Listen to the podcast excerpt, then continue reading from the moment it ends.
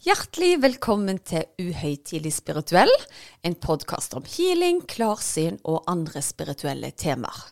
Noen ganger har vi gjester, og noen ganger er det bare meg sammen med min ektefelle Erik.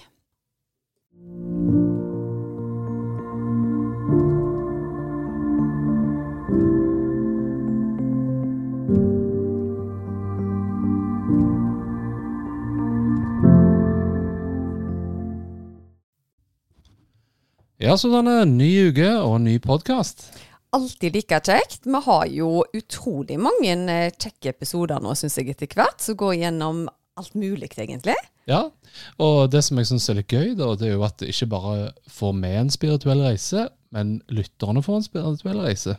Og det er jo gjerne det det er mest tilbakemeldinger på. At du starter på en måte å flytte den streken i sanden som vi har nevnt ganske ofte. Eh, og det må jeg jo si er en av de kjekkeste tingene, er at de som gjerne har opplevd litt før, opplever enda mer etter de har begynt å lytte. Og det er gjerne fordi det blir en sånn bevissthetsgjøring rundt det. Og så har du de som aldri har trodd, eller egentlig hatt interesse for det. At det våkner noe til liv og spirer hos deg, da. Ja, At du begynner å legge merke til de små tingene Ja. som du gjerne ikke gjorde før. Rett og slett. Ja, Veldig kult. Ja. Og det som er litt gøy, da, det er jo at eh, når vi prøver liksom å, å få kontakt med de som har en spirituell reise, så har vi altså fått kontakt med Sølje Bergman, som skal være med oss i dag. Ja, det er jo kjempekjekt. Altså, hun er skuespiller, og du kan jo fortelle litt om, eh, om eh, hva hun eh, driver på med i dag. Ja, altså Sølje hun er skuespiller, som du har sagt, og hun har bl.a. spilt i Varg Veum, og noen kjenner hun gjerne igjen fra Hotell Cæsar. Og sist nå på HBO Max er det vel, så er det Beforeigners hun har vært i. Eh, og så har hun òg gjort seg bemerka som talsperson for organisasjonen Tid for barn. Og de kjemper for en bedre økonomisk anerkjennelse av morsrollen. Eh, nå i det senere tid så har Sølje òg starta firmaet Inhouse Coach, hvor hun jobber som kommunikasjonscoach. Men så må jeg jo bare si en Ja. ting som, eh, som er litt kult. Hun har jo faktisk òg vært med i Sopranos. Altså, da, da toppa hun høyt, altså, for altså, Sopranos det er jo legendarisk. Så jeg syns det, det er helt uh, fantastisk. Ja, Men da tenker jeg vi bare må ønske velkommen til, til Sølje. Tusen takk. Utrolig kjekt at du har lyst til å stille opp her hos oss.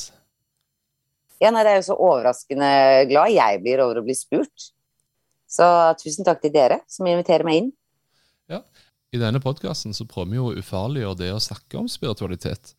Og jeg syns det er veldig kjekt at òg offentlige personer tør å snakke om dette emnet. Så vi gleder oss veldig til å høre på dine erfaringer og tanker rundt dette med spiritualitet. Ja, Da håper jeg innfrir til forventningene, gitt. Ja, ja. Du vet du hva, Det er jo akkurat det som er greia. Vi trenger ingen forventninger i det. Og det er jo det vi prøver egentlig i denne podkasten nå, er jo det å egentlig normalisere det. Og følge sin egen kraft og sin indre stemme mye mer. Eh, og det er derfor vi ønsker egentlig å snakke med folk som gjerne gjør det, da. Om du mener at det er noe spesielt, eller om andre mener det ikke er det, det henger vi oss ikke så mye opp i. Men vi har bare lyst til å ta del i ulike personligheter og deres tilnærming til, til livet, da. Så det gleder vi oss til. Ja, så har vi jo diskutert tidligere på podden her òg at uh, vi syns det er veldig kjekt at dette med spiritualitet er blitt lettere å snakke om. Uh, altså Spol fem år tilbake igjen i tid, så var ikke det et så naturlig tema nødvendigvis å ta opp verken på fest, jobb eller i, i pressen. Så jeg er veldig glad for at det har blitt et, eh, ja, lettere å ta opp. Jo, det er jeg veldig enig i, og det tror jeg som henger litt igjen i at vi har jo en tendens til å knytte det spirituelle eller noe sjelelig eller åndelig opp mot religion. Eh, og jeg er mest opptatt av at eh, vi mennesker må da bestå mer av, av mer enn kjøtt og blod. Eh, og der syns jeg også at det på en måte spirituelle kommer inn, og derfor syns jeg det er så viktig å definere det, for jeg tror det er veldig individuelt fra menneske til menneske hva de opplever som det eventuelle, eventuelle spirituelle i seg selv.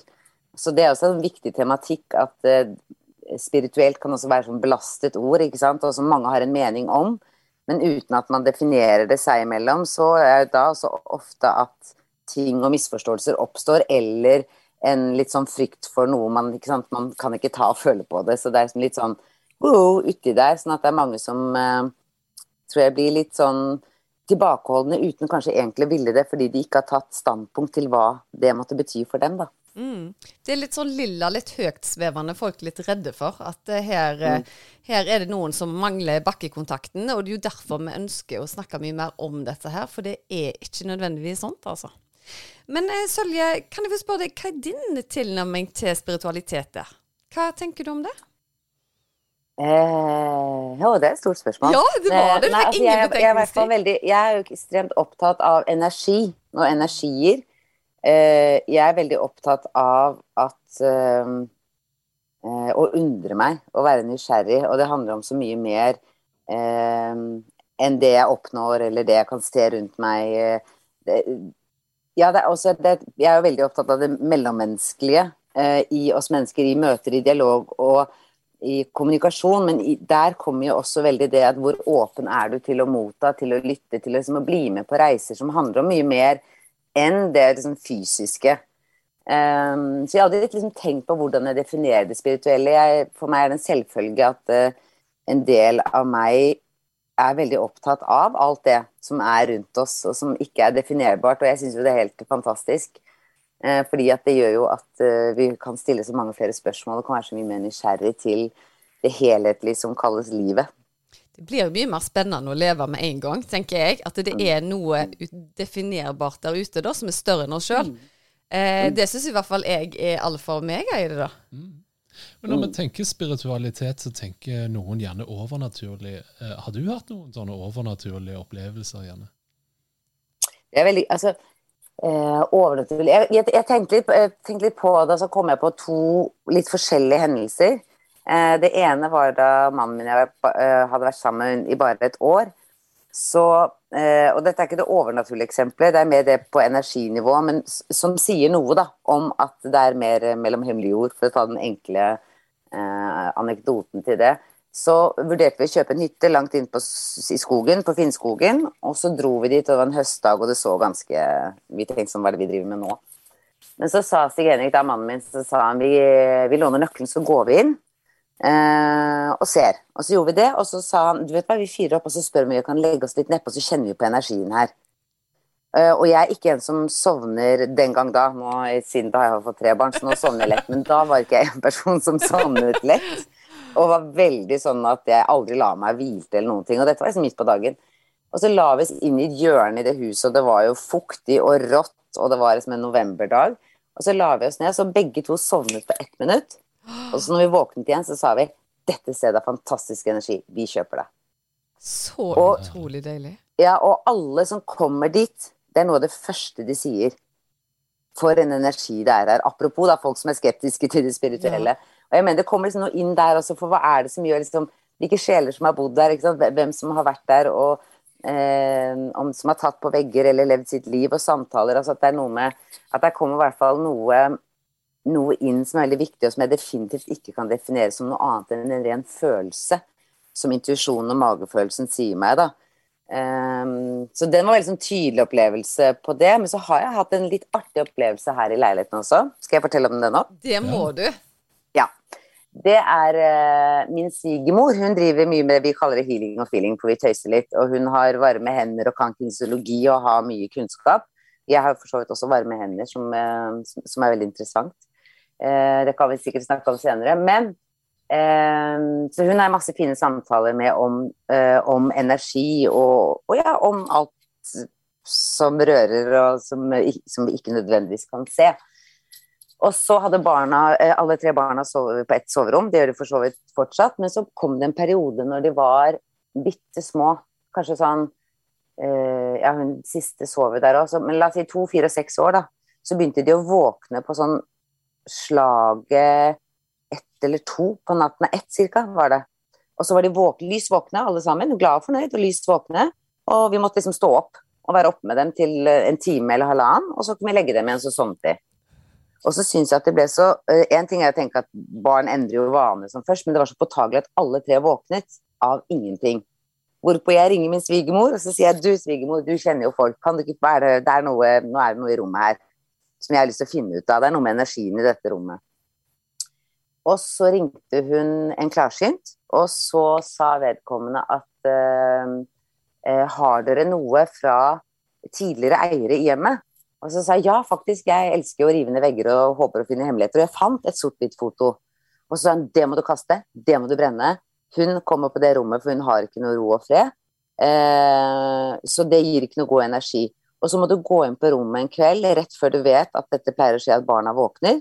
Så må du sette deg på en krakk, og så må du snakke til henne og si at eh, vi har overtatt og vi tar godt vare på hjemmet som da hun også eventuelt har bodd i, og at hun kan finne fred og gå til lyset der hun hører hjemme. Og det er første gang, altså.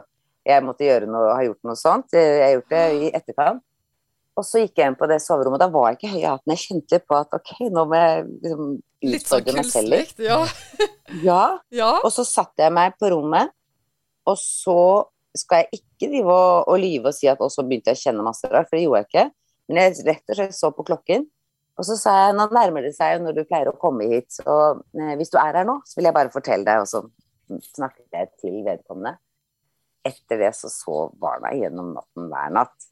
Du vet du hva, Og, det, og det, dette her vet jeg bare stemmer. For vet du hva, jeg kjente bare i det du sa det, så kjente jeg bare frysningen bare vup, Og det er alltid en sånn bekreftelse for meg. Så hvis folk har en veldig spennende historie, og jeg ikke kjenner noen ting, så er det litt sånn Ja, ja, en god historie, but I don't feel it. Men jeg gjorde det nå.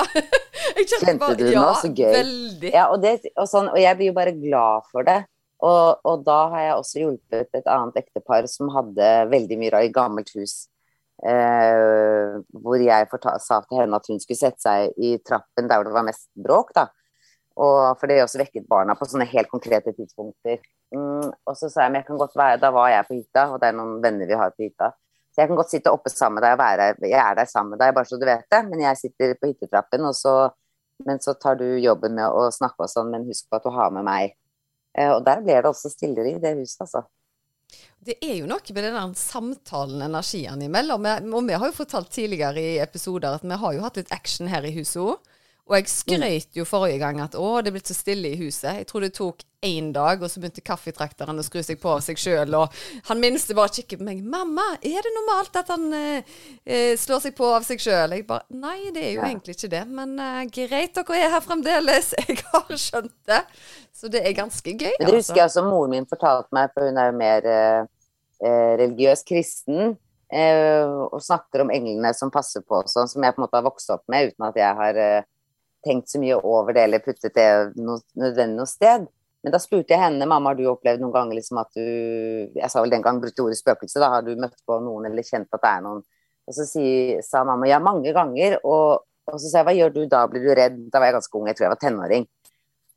Og så sa hun eh, nei, det, det viktigste for dem er at de blir sett og hørt, at du anerkjenner at de er der. Stort sett, for de vil godt, men de har et behov for at man, skal, at man ikke skal avvise dem og late som de ikke er der, sa hun til meg. Og det har jeg aldri glemt, så det kjente jeg veldig på når jeg satt inne på rommet til jentene. da, At uh, jeg var ikke redd, og det er ikke noe jeg frykter.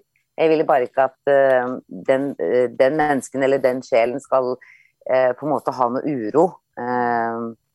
At hvis den får fred og skjønner at her vil vi godt, hvis det kan hjelpe, så er det veldig fint at man må også, også hjulpet et annet sted. Følte jeg like mye som at barna mine sov gjennom natten, så følte jeg at jeg, jeg på en måte hadde gjort noe godt for en annen sjel på en eller annen måte. da.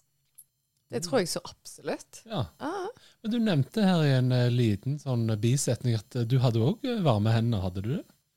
Mm, ja. ja. Og det ble jeg fortalt.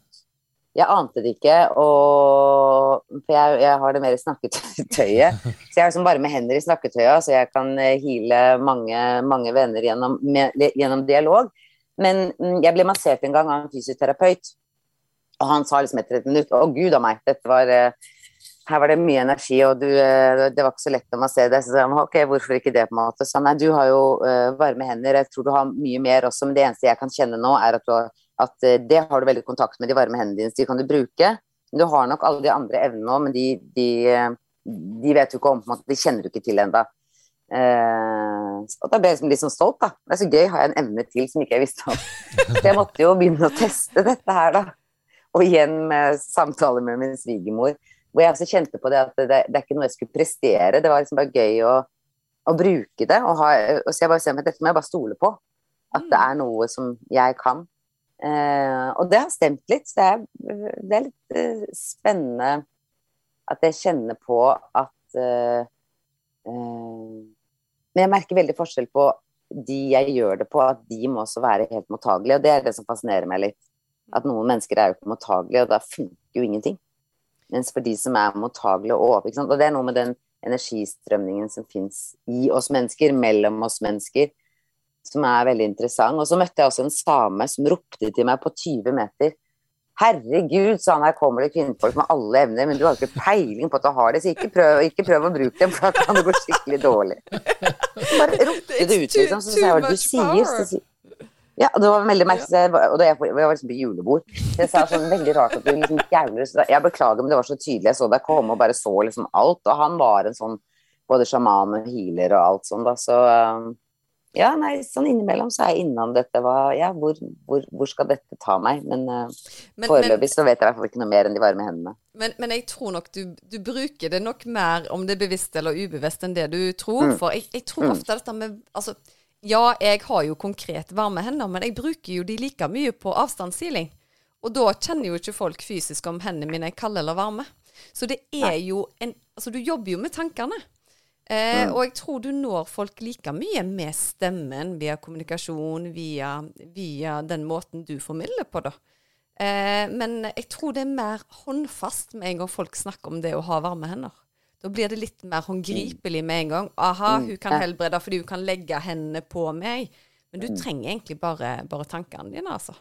Så jeg er helt sikker på Jo, og det er det jeg tenker mm. også, at når man at jeg også har veldig troen på det da, som, som, menneske, at det er jo hele meg. Altså hele meg som formidler videre i verden. Si, og til andre mennesker så bruker jeg alltid hele meg, og er klart da må det også være med som en naturlig del av det som er å være meg. da. Så jeg er for så vidt enig med deg i at det stemmer. Har du noen gang tenkt på at uh, uansett når du er alene, nå snakker jeg om uten familien, du kanskje ikke er det så veldig ofte lenger, men at du på en måte ikke er alene, legger du merke til om det er akkurat som noen rundt deg? Har du tenkt over det? Eh, ja, jeg tenkte over det. Jeg har så lyst Jeg syns det er så spennende, så jeg har egentlig lyst til å oppleve det veldig mye mer enn det jeg gjør. Så, eh, så der må jeg liksom svare skuffende at nei, det gjør jeg ikke. Men det eneste jeg kan si med hånden på hjertet, at jeg føler meg aldri eh, sånn sett alene. Jeg har aldri kjent på at energien rundt meg eller i meg gjør at jeg føler meg ja, altså, ensom alene, altså helt alene.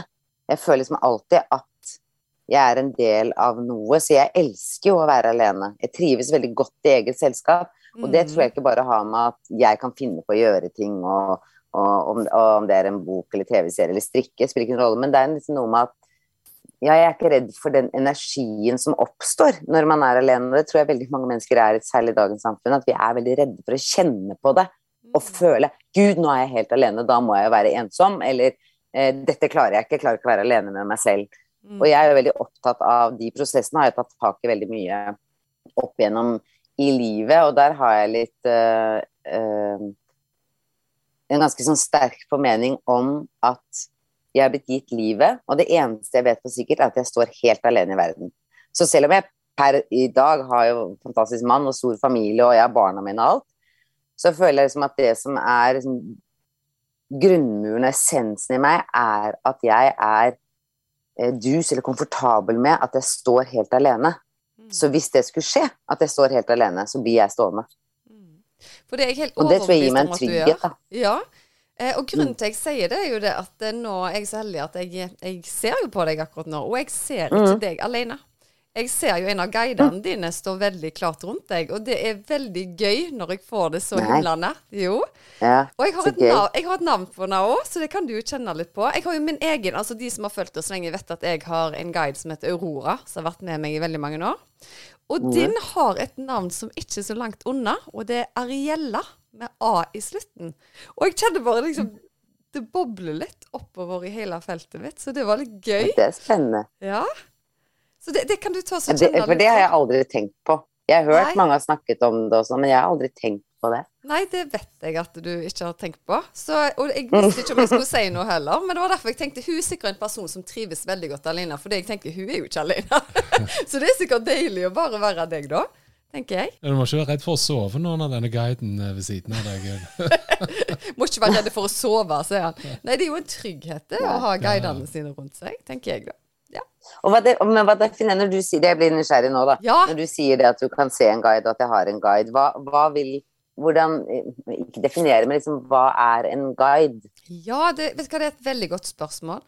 Eh, lenge, altså Mitt første møte med Aurora var jo for veldig mange år siden. Det var uh, i tidlig i 20-årene. Og da trodde jeg jo først at det var en engel eller en skapning som på en måte mm. introduserte seg, da.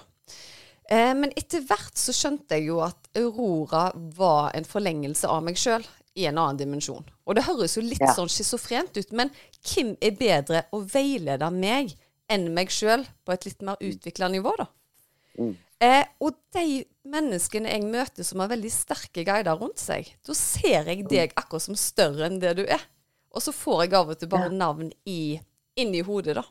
Så det er ikke sånn at det står ei gammel bestemor bak deg og vinker eller sånne ting, men, men jeg ser deg veldig i krafta da, og så bare popper det inn navn. Eh, og når jeg har healing med, eh, med folk, enten på fjernhealing eller på kontoret mitt på benken, så er det ensbetydende at får de kontakt med guiden sin, så pleier det å gi dem noe.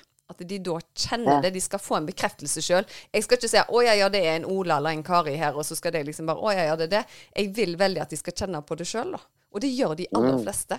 Så jeg, mm. du, du vekker veldig nysgjerrigheten min, for når jeg så deg nå, så, så var det akkurat som noe kjent. Og min guide heter jo Aurora, og dette var jo et navn som ikke var så langt unna, da.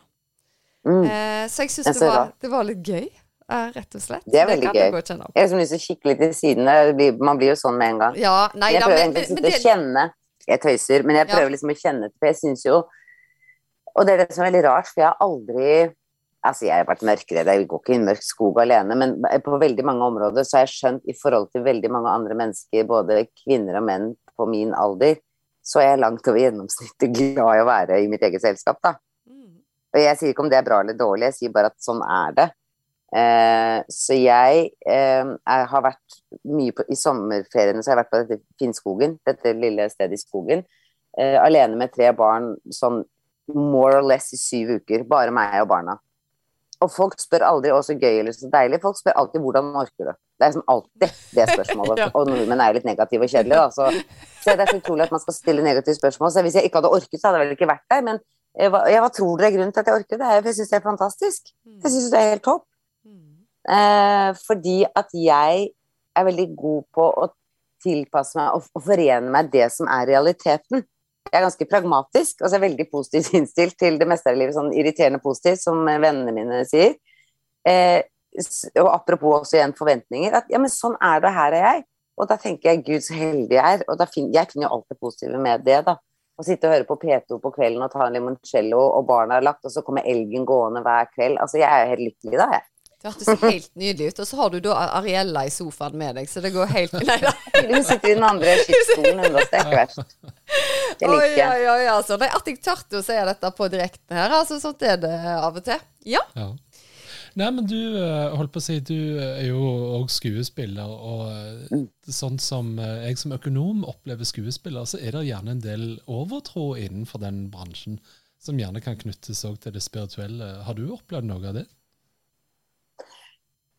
Nei, det har jeg forstått aldri engang hørt. Det eneste jeg vet, er jo mm, Jeg må knytte opp til noe annet. at man er jo, Vi, er jo litt sånn erfaringsbasert. altså Vi tar jo med veldig mange fasetter og mye eh, selvopplevde ting og former det. Så vi er veldig bevisste på eh, sikkert alle opplevelser og, og veld, altså hendelser med følelser blir jo vi veldig kanskje nysgjerrig på å finne ut av, for vi vet at det kan hjelpe oss i situasjoner når man skaper en karakter. at eh, jo da, du kan late som eh, noe, men visse ting kan du ikke, på en måte må du lete litt etter for å finne en eller annen retning da, som, som, som er troverdig både for deg og, og for publikum eh, når det kommer dit. Uh, jeg har ikke hørt så mye om overtro. Jeg, jeg, kjenner ikke på Nei, jeg fall tenker ikke mye på det. Jeg tenker mer på at du er helt avhengig av å være liksom, Det er to ting. Du må liksom være helt åpen, og du må lytte. Altså, det er den første egenskapen som skuespiller. Mm. Og jeg tenker at egentlig som mennesker generelt jeg tror En av de viktigste egenskapene vi kan ha, er å lytte og være helt åpne. Så selv om du har forberedt noe, eller selv om jeg tenker sånn og sånn om en karakter, så må jeg lytte og se og ta inn det andre mennesket. Så det blir man jo veldig i hvert fall drillet i som skuespiller hvis du skal komme noen vei, at det må du. Og det hjelper deg jo veldig også på hverdagsplan da, i møte med andre mennesker. At jeg er veldig opptatt av å ta inn mennesker og se på mennesker. Og ikke minst, jeg er veldig intuitiv på energi. Mm. Jeg merker det med en gang.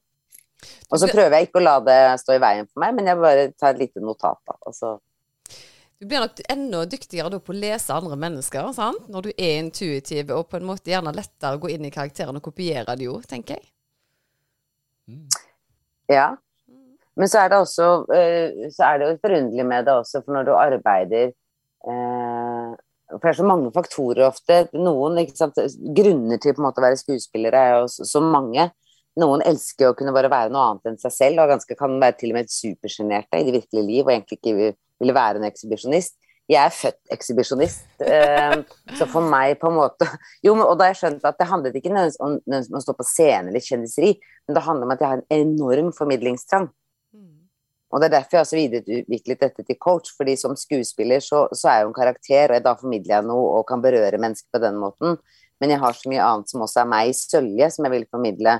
Og det var derfor jeg også brukte det eh, tok, Benyttet meg av den tanken på at jeg kanskje hvis du er mentaltrener, at der kan du bruke det litt Ja, og tjene penger, da, ikke minst. At det kan bli ikke bare noe du gjør som hobby, men også som en kvalitet som ja, andre også har gitt meg, og, eller gjort meg oppmerksom på at jeg har kvalitet, men samtidig som jeg kjenner en veldig Der har jeg, jeg har veldig god selvfølelse i all beskjedenhet, men det har jeg som gjør at jeg også er veldig trygg når jeg skal inn og formidle og ha dialog med mennesker, så jeg tør å være ganske ærlig. Eh, og jeg finner liksom veier inn som gjør at de åpner opp da, og tør å snakke, de òg. Det, Jeg vet ikke om det svarte Jeg vet ikke om jeg svarte helt deg nå, Erik, men det, jeg prøvde. det tror jeg du, du gjorde. Men du, kan ikke du fortelle litt om For jeg tror ofte folk sliter litt med å skille mellom selvtillit og selvfølelse. Ja, takk for den. delen. Ja. den tar vi. Ja. Jo, og det er, og det er super og, eh, Som jeg sier, det er, det er viktigere Det er mye som er viktigere enn noen gang. Jeg har begynt å si det litt ofte, men uh, det er kanskje litt fortvilet over samfunns, uh, samfunnsutviklingen. Men ja, selvtillit og, selvfølelse, det blander vi, og mange vet ikke forskjellen. Og veldig mange um, skjønner ikke hvorfor, hvorfor det er så viktig å vite forskjellen. Og for meg er det jo helt uh, Åpenbart. Hva skal jeg si, det er jo ja, Nå kommer jeg ikke på ordet, men det er jo som hele utgangspunktet for å kunne skape en, et trygt jeg, da, en integritet, en identitet, som står trygt plantet på jorden. Så er du avhengig av selvfølelsen. For selvfølelsen handler om eh, hva du synes om deg selv, eh, hvilke verdier du gir deg selv, og på en måte hva du eh, tilegner deg selv eh, av kvaliteter og verdier som er på en måte drivkraften i ditt liv, som er på en måte grunnstenene. da, som Hvis du skulle snakket om at, du skal bygge, at livet er som å bygge et slott, så er selvfølelsen grunnmuren. For Du kan bygge masse fine papirslott og korthus, og sånn, men alt ramler jo hvis ikke du har en grunnmur. Og Der har du selvfølelsen. Og selvtillit det er jo noe så enkelt som det du presterer, resultater. Derfor er dette på en sånn vektskål av at du kan ha øh, Jeg kjenner mange mennesker som har supergod selvtillit og surfer på det. ikke sant? De presterer bra, de får resultater, de får masse anerkjennelse, de er dritgode type i jobb og sånne ting. Så går de hjem, tar av seg klærne, legger seg under dynen og gråter fordi de føler seg som verdens største null. Og det betyr jo bare at nå er de veldig ubalanserte. Selvfølelsen er på bånn, eh, men selvtilliten er på topp. Eh, og det sier seg at den balansen går ikke, så liksom hva er balansen? Eh, og det, jeg har lest meg litt opp på det her og der, at det er noe med at du skal nok ha hakket høyere selvtillit, for det kan også drive deg, eh, men selvfølelsen er rett ved. Fordi eh, det er umulig å ha god selvfølelse nesten, og, og dårlig selvtillit. Mm. Mens det er veldig mulig å ha god selvtillit og dårlig selvfølelse. For, for- fordi den selvtilliten vil komme når du har en god selvfølelse. fordi det, det gjør at du også takler motgang mye bedre. Du takler nederlag, du kan takle at du tar feil, ikke sant. Fordi, fordi du har selvfølelsen på parti som gir deg den verdien du trenger som et individ, da. Mm. Som ikke er tuftet på om du løste løste det sjefen ba deg om å gjøre. Da sier du heller OK, shit, jeg feila, liksom. Jeg prøver, kan jeg få en sjanse til? Eller hvor mye har jeg driti meg ut nå? Hvor mye har jeg ødelagt nå? At du eier ting mye mer da, når du, når du står trygt i deg selv og har en god selvfølelse. Er Forklarte det litt? Ja, ja. Og så er det jo det at det er gjerne litt for lite fokus på det i, allerede fra folk er små barn og på skolen og sånne ting. Det er veldig mye prestasjonsbasert og fram med selvtilliten, men den selvfølelsen hører vi gjerne for lite om, altså. Eh, Ja, det er helt krise. Vi har, ja. vi har et samfunn nå som er tuftet på selvtillit og bygger selvtillit som er Mhm. resultatorientert, at det er det som gir deg verdi. Og det er veldig mange som sliter mentalt. Og det er, jeg tror liksom det er en av de store hovedgrunnene at i skolesystemene, i, um, i universitetsutdannelse og ikke minst oppdragelse, så er vi litt sånn på villspor. Vi er sånn på feil motorvei da, når vi dyrker selvtilliten og, og sier til barna liksom, Barna skal prestere for oss. Jeg husker mm. datteren min kom hjem og hadde fått kjempebra på en prøve når hun var kanskje tolv år. 'Mamma, mamma, jeg klarte liksom 20 av 21', eller et eller annet. Og da visste jeg at hun kom hjem for å få min anerkjennelse, lurte på hva jeg synes. Og så syns jeg det, det, er så synd. Det, det, kan også komme, men da husker jeg at jeg spurte henne hva syns du om det? Og så så hun rart på meg, liksom, for hun trodde at jeg skulle si noe hva jeg mm. synes. Så sa hun jo, det var bra, så jeg bare hva trodde du? Nei, jeg trodde det kom til å bli noe sånt. Så jeg, er du fornøyd da med innsatsen din? Ja, jeg syns det var bra. Og så ser hun på meg og sier jeg vet at du venter på hva jeg skal si. Og så sier jeg jeg syns det var kjempefint, og jeg blir veldig glad på dine vegne. Og nå skal jeg fortelle deg noe som jeg kommer til å si mange ganger til deg. Du skal aldri gjøre en lekse for å gjøre meg glad. Du skal aldri gjøre en lekse for å gjøre en lærer glad. Du skal aldri prestere for å imponere noen andre. Den eneste du skal prestere for eller eh, gjøre noe for eh, som gjør deg glad, det er deg selv. Så hun, hun var tolv år, så hun så liksom litt sånn på meg. Så jeg, for Det er så viktig. for det er ikke jeg som skal ut i livet og ta utdannelser og, og gjøre alt det du skal. Det er det du som skal. Mm. Jeg, er, feil, jeg er mamma. Jeg, jeg har jo tatt mye, mange av mine valg her i livet. Så, og det gjør jeg veldig bevisst for at hun skal bygge og skjønne at hun gjør dette for seg selv. Og hvis hun ikke skjønner det helt, så er det helt greit. Men som jeg sa, jeg kommer aldri til å være skuffet over deg hvis du gjør det dårlig. Eller, eh, eh for du skal, gjøre, du skal, ikke gjøre, det for meg. Jeg kan bli lei meg på dine vegne hvis du er lei deg over egen, hva du har fått til, eller ønsket bedre. Men da må du ta lærdom, da. Hadde du liksom vært til stede nok, eller var du engasjert nok, eller hadde du øvet nok, eller forstått det du skulle kunne. Det kan vi godt snakke om, og det kan jeg hjelpe deg med. Men, uh, og så så jeg at hun ble liksom litt glad òg for det. Jeg tror det var litt deilig.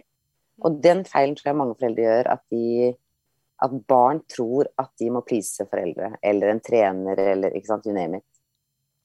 Ja, for å få den anerkjennelsen. Og så tenker jeg at eh, jeg syns veldig mange gode poenger du har der. Men det å lære unger å være glad i seg sjøl, og det er jo, tror jeg, en ting det, Vi snakker så litt om det at de forstår nesten ikke hva du mener. Hvis du, hvis du spør barnet i dag er du glad i deg sjøl, så er det bare sånn What? Uh, hva, hva, mener du jeg med det? Jeg gjør det hele tiden. ja, men det er godt å høre. Men med deg, da? Er du glad i deg selv? Ja, og hun ene som er 14 og tenåring, da, ikke sant? Jeg, bare, jeg vet jo hva som kommer nå, jeg gruer meg jo. Og jeg spør henne direkte også. Er du, liksom, er du fornøyd med den du er? Og, og så sier ja. Og så sier jeg er du glad i deg selv, ja. Det er så hyggelig, og det er jeg også, faktisk. Og så sier jeg, og, og er, det, er, det, sånn at du har begynt å tenke på det, snakke med venninnene om hva som er finere på dere selv eller på andre enn andre ting? Nei, egentlig ikke. Det er ikke sånn at du, Så jeg spør ganske direkte, så jeg vet det kommer. Mm. Så jeg, jeg, tror ikke Jeg foregriper, jeg gjør det ikke med tolv- og tiåringen ennå, går sånn på utseendet. Men hun står jo og speiler seg, duller seg, doller seg, holder på, da. Eh, så vi snakker ganske mye om hvor jeg, hvor jeg også sier at, husk, at uansett så er du deg. Mm. Eh, og selvfølgelig er mamma ukritisk, er du fantastisk vakker. Men du skal huske på det at det som er deg, handler ikke om sminke og klær. Det er hva du sier, hva du gjør, og hvem du er mot andre mennesker.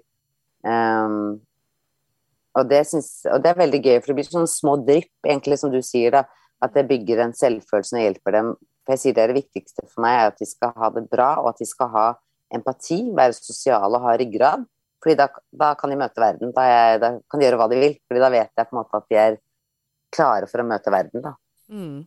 Jeg skulle ønske jeg var en sånn mor som bare dreit i hvordan jeg så ut, og var bare i ett med naturen, og sånn som en healer skal være, da. Så står jeg der og føner håret og doller meg og sier til datteren min på elleve det er jo ikke viktig. Så altså, det er litt sånn selvmotsigende ja. av og til der, altså. Ja, og da, det er det jeg mente med å eie det. Jeg, barna ja. vet jo det, så jeg sier jeg elsker rødløpere, elsker å gå i høye hæler og pynte meg og stæsje meg herfra til månen.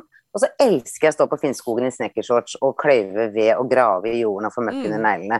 Så det er på en måte at de ser den dualismen. Eh, og de ser meg veldig mye i apropos som vi sa, kosetøy og sånn. Så, så, når man ser at eh, jeg har også mange sider, og jeg kan være glad i mye forskjellig, men jeg forandrer meg ikke. Jeg er ikke annerledes når jeg tar på meg de høye hælene enn når jeg står og graver i jorden. Du vil fortsatt snakke med Sølje Bergman. Mm. Og det tror jeg på en måte er, i hvert fall for meg blir det viktig, for jeg, jeg vil ikke late som at jeg ikke også er de sidene. Og nå begynner de å se det, sånn at de komplimenterer det, og det syns jeg er veldig søtt. 'Å, så fin du er, mamma, har du pyntet deg?' liksom. Mm. Så at de, at de ser det, at jeg har også gjort en effort. Og så kaller de meg også innskrumpa rosin når det passer seg, liksom. Når de syns at jeg er veldig sliten. Så på en måte de er nådeløst ærlige. Men det syns jeg er fantastisk, fordi ja, det er altså livet. Ja. Så uh, det er ikke noe uforenlig med å, å føne håret og, og være healer. Det syns jeg er fint. Å nei, vi må ha begge deler. Men så er det noe med det, og det er jo jeg veldig åpen om det, at jeg er jo veldig forfengelig gjerne til å være i den alternative bransjen. Men det er noe med det å ta vare på innsida og å ta vare på utsida. Det må være en balanse i livet, altså. Gjøre en innsats på begge områder, da. Ja. Ja. Jeg er enig i det. altså Hvis du ser deg sjøl i speilet og ikke liker det du ser, så er det jo en ubalanse der. Absolutt. Da sier mannen min bare da må du slutte å se deg i speilet. Ja, Og det er altså litt sant. veldig godt poeng, altså. Ja, bare se deg litt mindre i speilet, så, blir det, så slipper du litt billigere unna. Nei, men det er så, sant, og igjen, du må definere det, tenker jeg da, det må være forfengelig, for hva er det? Eh, og, og det har rett, det har vi også litt lett for å liksom henge på knagger, at det blir, at vi tar på oss en eller annen staffasje for å få det bedre. Mm. Men jeg gjør det ikke, for jeg gjør, jeg kan også bruke staffasjen til å markere dagens indre liv. Mm. Så hvis jeg skal på en rød løper, så kan jeg tenke nei, fy fader, i dag er jeg litt bakpå, og så kjenner jeg at nå har jeg litt sånn egentlig kule krutt som skal ut. Jeg har ikke så lyst til å gå på den røde løperen, hvis det var casen, da. Så nå tar jeg på meg noe litt sånn rocka og tøft, som matcher det indre livet.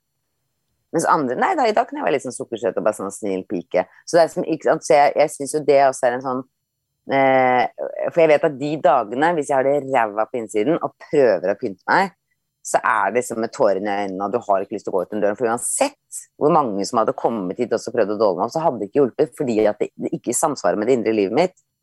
Og da, er, da sier jeg da bare, egentlig burde man bare være hjemme. Eh, så jeg tror i, i, i det den, ligger den også en sånn sunn forfengelighet, hvor du bare forlenger eh, det indre livet, og, og kan- kan du bruke og leke med det. Samtidig som det er ganske menneskelig også, kanskje. og jeg ville fiffe seg opp og se litt sånn som Når jeg skal møte dere, så har jeg lyst til på en måte å føle at at jeg kjenner på at nå er hele meg veldig fornøyd og klar for å være sammen med dere. Og da Mm. går det også på utseendet. Det, de, de gjør jo det. Det, er, men det er den dualiteten hele tida med balanse. Og jeg kjenner meg jo veldig igjen i det. Jeg kan være veldig sukkersøt, og jeg kan også være rocka. Så I, I like it. Men du bruker Ja, så bare legge til én ting. Det, det jeg kan også gjøre når jeg skal, hvis jeg skal ta en viktig telefon, Mm. men går hjemme fordi jeg, vi er frilansere, så jeg er mye hjemme og sendt barna på skolen, så går jeg og dasser rundt i en eller annen stygg ullgenser, men som er veldig behagelig, og med iskaffen min og tass-tass med briller på, og så skal jeg ta en beinviktig telefon. Da kan det også hende at jeg gjør noe med utseendet for å, å meg, hjelpe spiriten min, som jeg vet at jeg trenger, da. Ikke sant? Så, sånn, så jeg tenker at det, ja, det er ikke utelukkende bare sånn forfengelighet heller. Nei. Hørte du at du gikk rundt med iskaffe igjen? Det er vel varemerket mitt, er det ikke det? Erik? Jo, det er jo nesten det. Men gud, er det det? Det er mitt òg. Du, vet du hva, jeg, jeg har alltid en, sånn- Jeg har sånn spesialkopp med sånn rørepinne med isbiter, Ja. og så har jeg med Ja. litt stevia-karamell, og ja, det er, det er høydepunktet på dagen. Jeg drikker Iskaffe. iskaffe døgnet rundt. Ja. Fra jeg står opp til jeg legger meg, så går jeg rundt med en iskaffe. Eneste grunn til at jeg ikke har den, er at jeg rakk ikke å lage før, før jeg skulle møte dere, så jeg måtte ta vann. Men egentlig så, så, så sitter jeg her med en iskopp i hånden nå. Så jeg er egentlig litt sur på dette vannet, for det er ikke godt nok. Jeg elsker det. Så da vet du. Nei, Jeg måtte til og med investere i ismaskin her, så jeg lagde isbiter. Ja, vi sliter litt med forbruk av is her i huset òg, jeg innrømmer det. Ja, det, det er sant, det. Ja. Men du nevnte litt her, liksom uh, Si hvis du den indre deg ikke har det så bra, og så stæsjer du deg gjerne opp for å føle deg bedre. Men uh, har du noen tips? liksom, Hva gjør du for å snu en dårlig dag? Det er veldig bra du spør om, fordi det, det skal jeg love deg at uh, du kan, hvis du har en dårlig dag i, ditt, i, i, altså i deg selv, Uh, så, som jeg nevnte i sted, så kan det mye til at du klarer å stæsje opp den dagen og forandre det fordi at du gjør noe med utseendet. Så nei, da, må, da tar jeg i bruk helt andre verktøy på en måte. Ja. Men uh, jeg har jo en gudegave at jeg er positiv. Altså jeg er altså så ut i fingerspissene Altså For meg kunne jeg eh, vært lykkelig naiv hvis ikke jeg plutselig også ble såpass intellektuell at jeg åpnet øynene og så verden for hva den var. Så hadde jeg tenkt at verden er skjønn, og alle mennesker vil godt. Eh, men så har jeg bevart noe av det barnesinnet mitt. Eh, for jeg har alltid vært sånn. Så jeg har liksom tviholdt på den følelsen av at det er utgangspunktet. At det er godt, mennesker vil godt, jeg vil godt. Vi, eh, det, er en, det, er liksom, det, må være en tilstand på jorden som tilsier at vi egentlig skal ha det godt. Eh, og så er det mange utfordringer som gjør at ikke mm, verdensbildet blir sånn. Eh, så jeg er veldig dårlig på å dykke ned i en dårlig dag og la den overta. Fordi det gidder jeg ikke å bruke energien på. på en måte. Da er jeg veldig sånn, og da snakker jeg til meg selv med etternavn. Så jeg Bergman, kom igjen. Altså nå. Og da finner jeg enten at jeg tenker på noe positivt, eller jeg snur det til at ok, hvis, men hvis det er det som gjør at dagen din er dårlig i dag, altså hvor, hvor stor plass skal det få? Hvorfor skal det ødelegge? Altså, jeg, jeg finner det liksom ikke logisk da, å gå ned i en, en dupp. Eh, så jeg går veldig fort opp igjen. Det er kanskje som en sånn fiskedupp vet du, når man skal eh, når man fisker med sånn dupp. Sånn er jeg. Jeg dupper nedi, så bare rett opp igjen. For dette gidder jeg ikke. Jeg vil gjerne ha hodet over vannet og se, se på verden videre. Så, så, så, det er lettere sagt enn gjort, tenker jeg. Eh, fordi for meg er det ganske naturlig å, å eh, intuitivt snu en dårlig dag til noe bra. For jeg finner alltid noe annet, skifter fokus. Jeg er litt god på å styre det, faktisk. Men da må jeg legge til at dette har jeg selvfølgelig øvet mye på òg.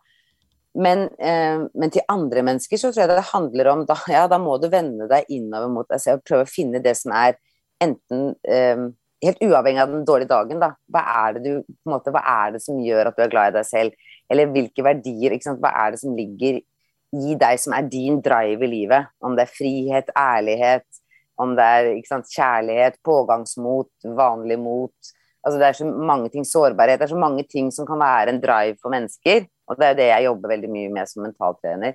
Men at man minner seg selv på noe positivt. For når du står Altså det ordspråket altså du ser ikke skogen for bare trær. Mm.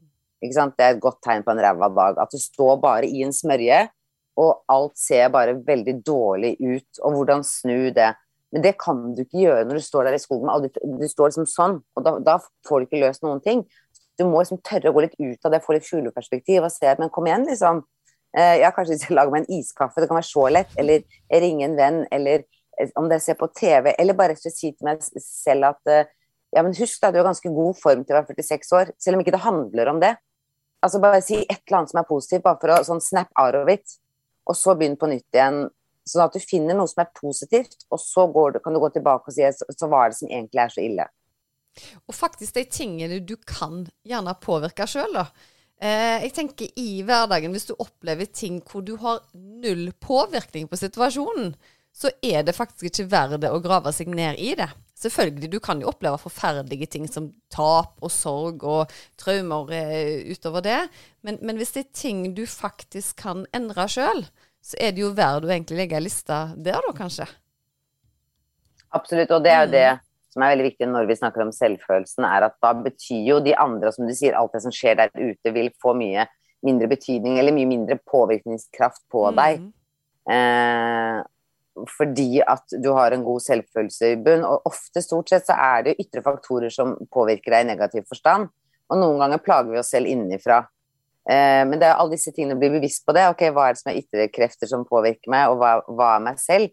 Eh, og da må du også liksom bli bevisst på det, erkjenne det og bli med på en endringsprosess. For det kan jo være eh, at du har en generell tendens, at du har en vane ved å tenke oftere det negative enn det positive, f.eks.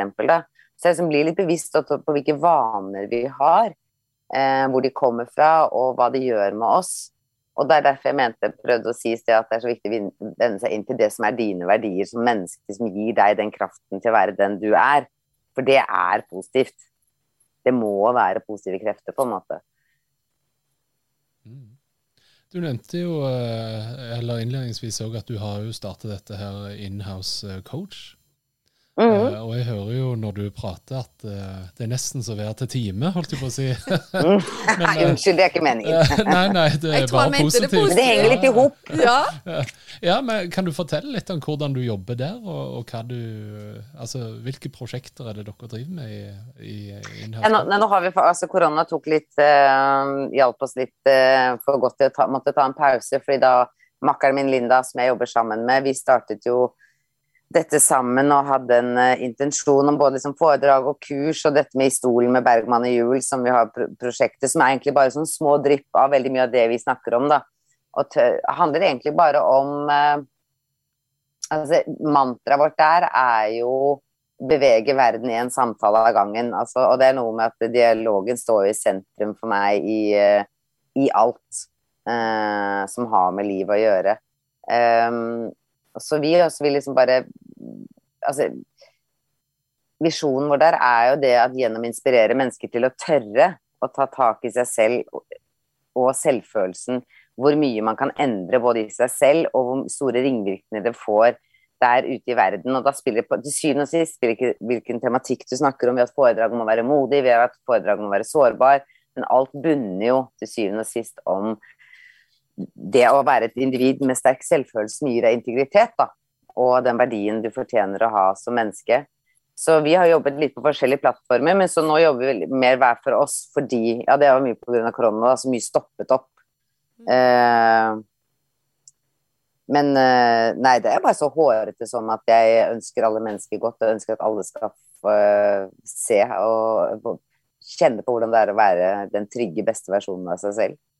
Det er jo det som er liksom hele jeg liker så godt å høre, høre Å, dette her musikken i mine ører. Nei, men, men, akkurat den der biten som du sier, å tørre, og det var jo en av de grunnene til at vi òg starta podkasten Uhøytidelig spirituell, er det at jeg sa at det er jo mer stuereint å snakke om pornografi på fest enn å si at du er spirituell, eller om dine åndelige opplevelser, eller hva det måtte mm. være. Mm. Så jeg tenkte at nå var det på tide at vi, vi tok litt sånn bladet fra munnen og kunne dele opplevelser på andre arenaer òg, da.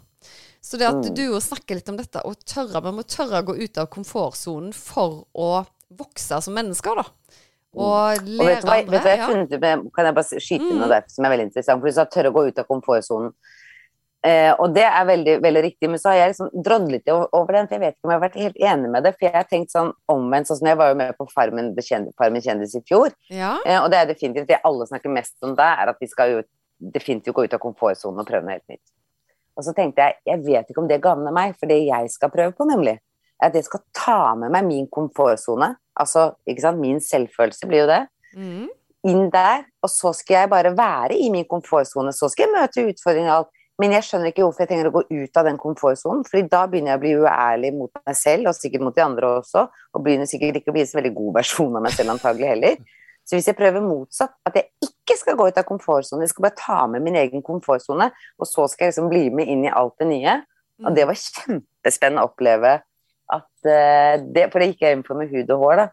Uh, uten at jeg hadde kommunisert det til så mange. Men det kjente jeg på, at, og det er også veldig spennende, og det syns jeg er litt sånn Det jobber jeg litt med at eh, For det hjelper ikke å, å være sånn Å, jeg skal være kjempemodig og crazy og gå ut av komfortsonen min i dag og bungee-jumpe hvis du er pissredd eller har dårlig selvfølelse, eller et eller annet. Da hjelper ikke sant? Det, så det handler ikke bare om at uh, du får kred eller er modig for å gå ut av komfortsonen. Jeg mener at når du er trygg i deg selv, så vil, vil, du ikke se det som å gå ut av komfortsonen. Du vil se det som en utfordring, f.eks., eller noe nytt, noe mm. spennende, noe du er nysgjerrig på noe du ikke aner utfallet av, uten at det er fryktbasert. da. Men kanskje det er en sånn definisjonsgreie det? Fordi når jeg snakker om min, mm. altså ut av min komfortsone, da, så har jo jeg alltid gått ut ifra det at jeg er jo i mitt trygge felt uansett. Men jeg utfordrer meg sjøl gjerne til å prøve noe som jeg ikke hadde gjort i går, da. Eh, mm. Men jeg er veldig enig med deg at gjerne vi må begynne å uttrykke det på en litt annen måte. At det handler ikke om å på en måte eh, gå på bekostning av en sjøl, og at det skal være fruktbasert. Så, så, det syns jeg ja, er veldig ja, for jeg er enig med deg, det er ikke noe mm. galt med å si komfortsone. Men jeg også har en sånn liksom hangup i eh, apropos negasjoner, da, for å ha et så rikt liv og være så glad i seg selv som man kan, og trives å være alene og alle disse tingene, eh, eh, så begynner jeg liksom å Vokabularet blir en viktig del av det, da. Så komfortsonen, når den er i oss selv, så er vi alle enige om at det er et, er et positivt ladet ord. Men å gå ut av komfortsonen blir ja. litt, litt negativt, for det er sånn usikkert. Og det er det samme som å si 'har du et problem', eller 'hva er problemet'? Det sier ofte mannen min, jeg blir så sur på ham. Han sier sånn 'ja, hva bare problem, egentlig?' Og så sier jeg 'jeg har ikke noe problem'. Nei. Altså, det er ikke det jeg prøver å si her.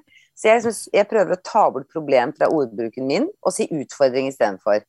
Som jeg også gjør til klienter og med venner. Og, sånn. og det er gøy, fordi utfordring er mye mer positivt ladet enn et problem. Ja, ja du, men, men, men, du skulle hatt et annet ord enn komfortsone? Det er det jeg sier, prøve noe nytt. Ja, Gjøre noe du aldri har gjort ja, før. ja. Ikke? Være nysgjerrig, være helt åpen. Ikke Mm. ane utfallet. Altså, det er tusen andre egentlig begreper vi kan bruke. Og, det synes, det, vi har så mange sånne vi sier egentlig, f.eks. ofte i setninger. Nei, nei, men egentlig var det jo ganske gøy. Hva er det ordet egentlig? Det er bare en skikkelig negasjon. Ikke sant? Det er et eller annet du trekker tilbake. ikke sant? Det var morsomt på festen, kontra det var egentlig morsomt på festen. Hva er det, hva er det, hva er den egentlig? Er noe Nei, som skurrer, ikke ikke så sant? Ja. Ja. Og så bare bli Dette kan dere det- tenke litt på, det er kjempegøy. Og sånn hvis bare, hvis bare hun hadde kommet tidsnok, så hadde det blitt bedre. Altså hvis bare, det prøver jeg også å eliminere fra norsk ordbok, egentlig, fra det norske språk, hvis jeg hadde hatt makten. ja, Så vet hvis du jeg hadde det vært statsminister på én dag, så er det første skulle å ta bort 'hvis bare' fra ordboken, for jeg syns det er altså det dummeste ordene. Om at hvis om at ja. ja. Ja. Men det er bare waste of time. ja, jeg, Du jeg, får men jeg er ikke noe det. nytte ut av 'hvis bare'. Men du, nå, vi må Ja. jo snakke litt om Farmen. Altså, Opplevde du det litt som sånn selvhealing, eller? Det å være Nei, er du gæren? Det var altså, det var ikke noe grusomt. selvhealing i det der. Det var jobb fra morgen til kveld! Ja, Det var derfor jeg fikk veldig bruk for å bare liksom være Ja. i min egen komfortsone, og så ha det som en sånn geléklump rundt hele meg og bare bevege meg i dette her. Du, altså, det, er en, det var en fantastisk opplevelse, men jeg er lykkelig at jeg har vært med på og fått sjansen til å oppleve, for det er ikke alle forunt. Skal aldri gjøre det igjen.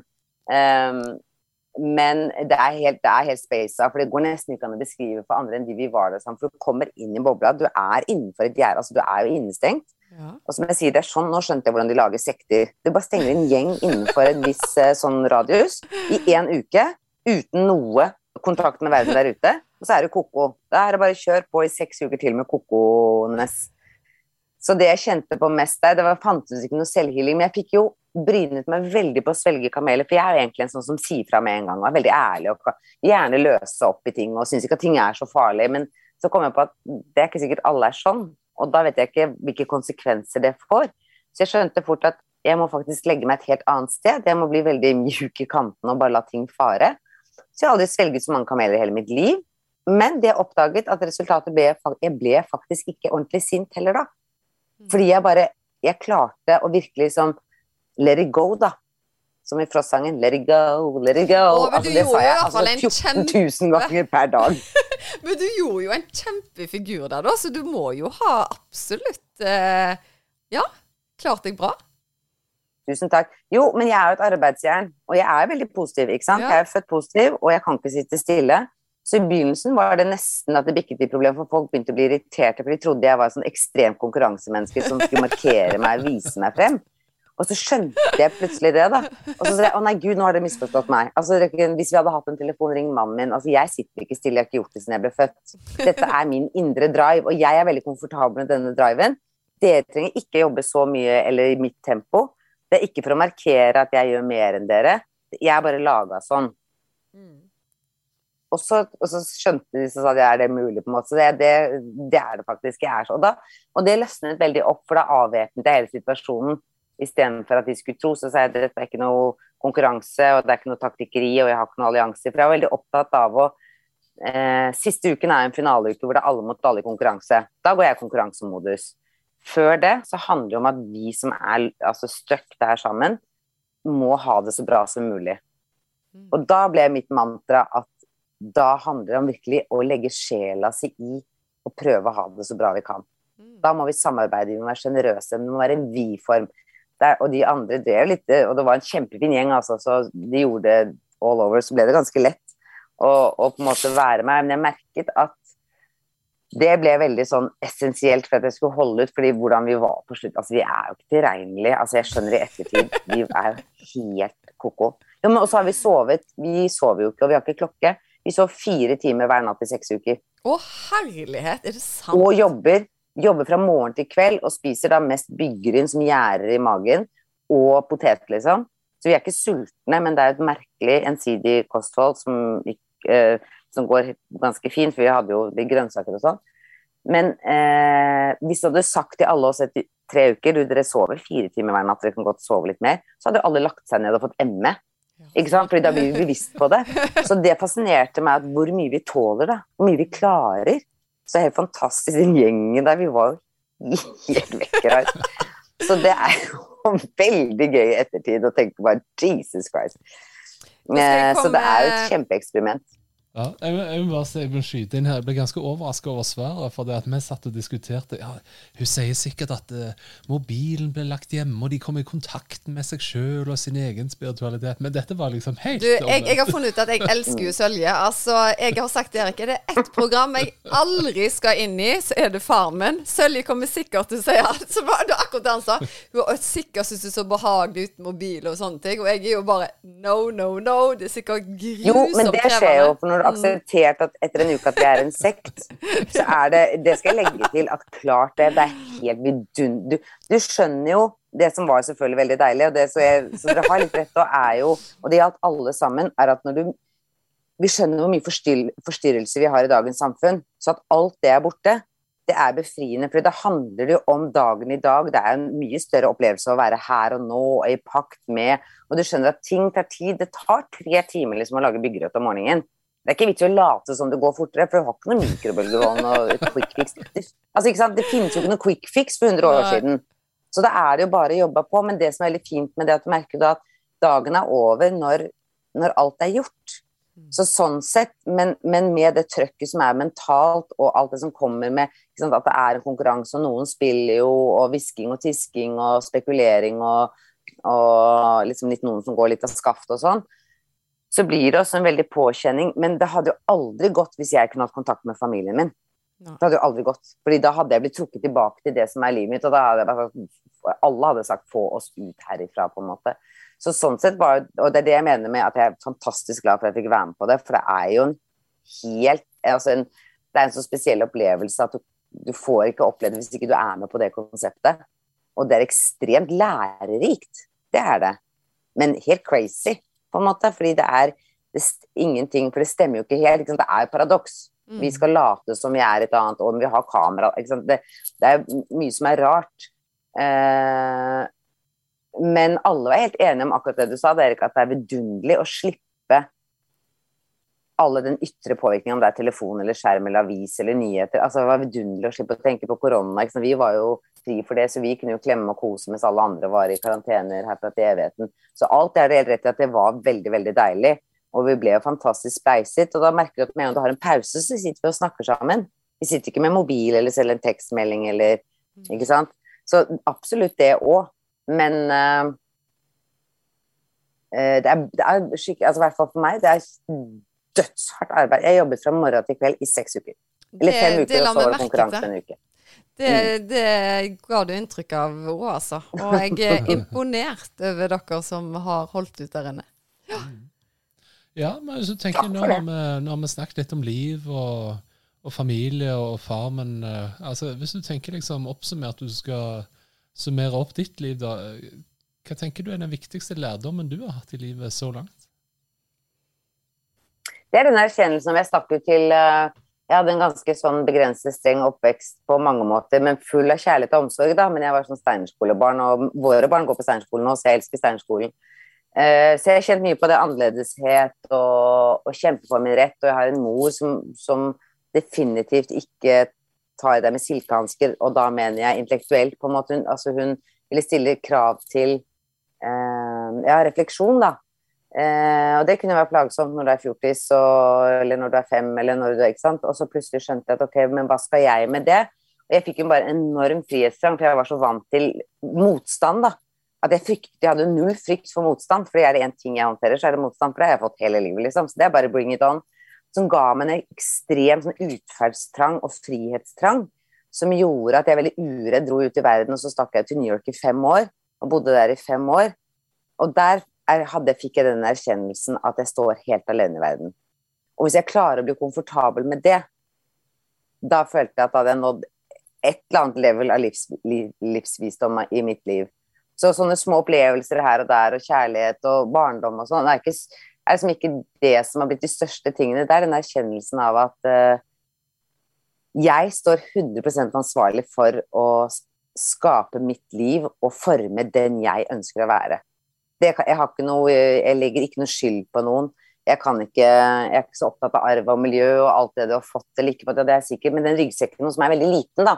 Jeg er veldig bevisst på den, men den definerer meg ikke. Jeg har bestemt selv hvordan jeg skal definere meg, og da Det gir, har i hvert fall gitt meg veldig sånn pondus til å ja, definitivt bygget selvfølelsen min da, til at eh, ja, try me, pill på meg, og så, så får du svar, da, kan du si. Så jeg tror en av de største livsvisdommene var det at uh, det skal jeg klare, å stå helt alene. Og jeg har jo kjent litt på det opp igjennom også, akkurat den følelsen av å stå ganske alene. Uh, og det har gått bra. Det virker det som. Ingen tvil om det. Ja. Ja, Og så har vi jo funnet ut at du er jo ikke helt alene, vet du. Så. Nei, Ariella, nå ja, er hun nå er hun til stede. Dette kommer til å bli jeg skal ha en litt sånn oppvask hvorfor hun ikke har liksom gjort det, vist seg litt tydeligere før, så jeg kunne ha nytte hun før. Ja, vet du hva, det... For jeg driver og skal ordne alt selv oppi hodet, men nå skjønner jeg at jeg har hjelp, så er jeg ikke så alene du gjør det, vet du. Du får hjelp helt tydelig. Flott. Ja, veldig bra. Sånn helt til sist, eh, hvis noen av lytterne har lyst til å følge deg eller finne deg et eller annet sted, hvor, eh, hvor går de hen da? Eh, vil du ha telefonnummeret mitt, liksom? Ja takk. Sølje Bergman, eh, Jo, og det, sånn- ja, eh, det kan de også få. Nei, men det er jo sånn at jeg er på sosiale medier, da, og med dritt der, så både på Instagram, der er det jo Sølje Bergman eller Solje Bergman, samme på Facebook. Du nevnte Inhouse Coach. Eller så er det bare å kontakte meg på hvilken måte du, du måtte ønske, om det er i brevform eller telefon. De kan jo bare google Eh, Sopranos. Hun har jo vært med i Sopranos òg. Det, Ja, det har jeg ja, søren. Det er Ja. jaggu kult, altså. Ja. Det er ikke småtteri. Det er ikke småtteri. Det er helt Nei. sant. Faktisk, i all beskjedenhet, det er ganske stort. Så jeg er Ja, veldig, det veldig er stolt det. av den lille biten der. Ja, Mm. Ja. Det syns jeg er en god Det var veldig gøy. Sopranos-stjernen Sølje Bergman. Ja, tusen takk for at du hadde lyst til å være med hos oss. Tusen takk. Kan jeg, jeg skravlebøtte, kan jeg si én ting til slutt? Selvfølgelig. Jeg hadde, jeg hadde bitt meg merke i et punkt at du hadde skrevet nemlig noe med mant om man har noe mantra i livet. Ja, Og jeg tror at det som jeg ser det som en sånn litt ledestjerne i livet, og der har jeg en som jeg syns er veldig viktig, som jeg har lyst til at alle skal få høre.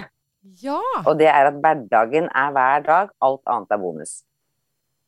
den, Ja. den, var, den var bra. ja. Det gjør at jeg er veldig lett å glede, og det gjør at livet mitt er lett å, å At jeg, det er lett for meg å leve positivt. Fordi at det sier noe om forventningene, ikke sant. Mm. At jeg elsker hverdagen, jeg. Det er helt topp. Alt annet er bonus, derfor skjer det masse gøy. Uansett hvor lite eller stort det er, da. Ja, men Kjempebra. Høres helt idyllisk ut. Ja. Ja. Men, Nei, det er det eh, ikke. Det er ikke idyllisk. Livet er, eh, livet er en evig kamp, og det syns jeg er vidunderlig. Ja.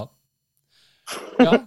Nå trodde jeg vi skulle ende på en sånn high note, men så ble det dratt ned. til- Nei, det er ikke idyllisk. Nei. vet du hva, jeg, jeg syns det høres bare helt nydelig ut å så ha den innstillingen, da. Ja. Men, men vi kjenner oss jo veldig igjen i det. Jeg, Ja, jeg, jeg liker best hverdagene. Ja. Eh, Jeg er glad i å ta en dag om gangen, så jeg kjenner meg veldig igjen i det. Så det er derfor jeg bare Det merker jeg. Ja. Det kan jeg merke på. Så nei, hvis vi vi ender på en high, er du gæren. Så det, jeg, jeg, det er bare for Det er sånn lykke, idyll Jeg skal fortsette, jeg vet det, det skal jeg ikke begynne med.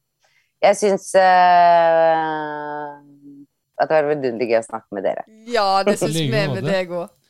Yes, Med det så runder vi av. Eh, Tusen takk Sølje, for at du var med oss i dag. Tusen takk for meg. Og tusen takk for at akkurat du hørte på oss. Det setter vi veldig stor pris på. Vi tar en liten ukes pause pga. vinterferie, men er tilbake igjen etter ferien med mange nye spirituelle tema. Ha det bra!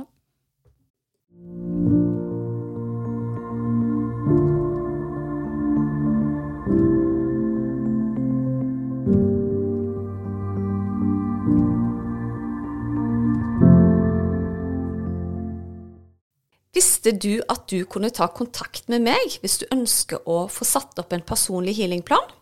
Da er det bare å kontakte meg via Instagram eller på e-post, så gjør jeg det helt kostnadsfritt. Da er det mye lettere å vite hvilken healing du skal velge, til hva tid du skal bruke den, og for hvor mange uker du bør benytte deg av deg. Gå inn på healersusanne.com.